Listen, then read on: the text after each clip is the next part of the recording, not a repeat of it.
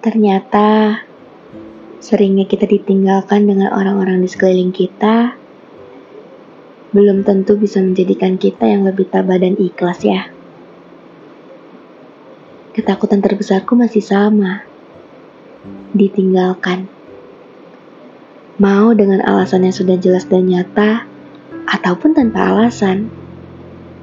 Ya, yang namanya ditinggalkan, bagaimanapun caranya menyakitkan bukan? Entah manusia mana lagi yang harus aku percaya untuk bisa selalu menemaniku. Walaupun kayaknya nggak akan ada ya. Even itu diri kita sendiri aja masih suka kehilangan arah kan?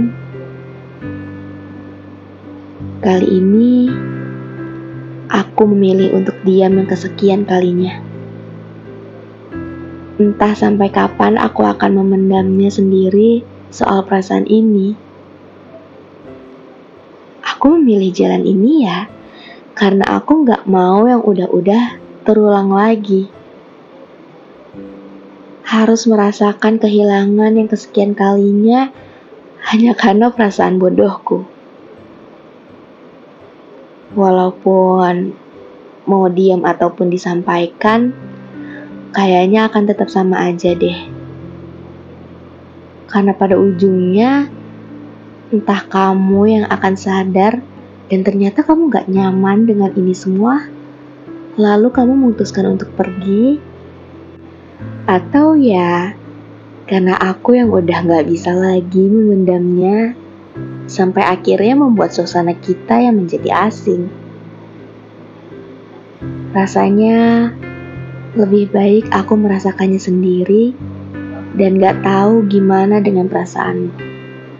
Daripada aku harus menerima kenyataan pahit akan kejujuranmu yang ternyata gak bisa membalas perasaanku. Jika memang aku ingin menunggu kamu yang bilang duluan, entah harus menyiapkan waktu seberapa lama lagi. Walaupun katanya sabar itu memang sulit, tapi hadiahnya selangit. Dan ikhlas itu memang pahit, tapi endingnya akan selalu baik.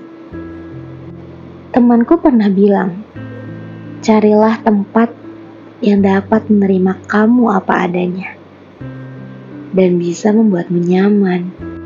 Jangan malah memaksakan dirimu untuk menjadi yang sempurna. Kalau aku bilang tempat itu adalah kamu, boleh kan? Maaf ya. Maaf kalau caraku mencintaimu terlalu berlebihan. Maaf juga kalau mulutku ini gak bisa berucap jika aku mencintaimu. Dan maaf lagi, kalau aku hanya bisa mencintaimu dalam diam. Aku harap kamu bisa mengerti ya.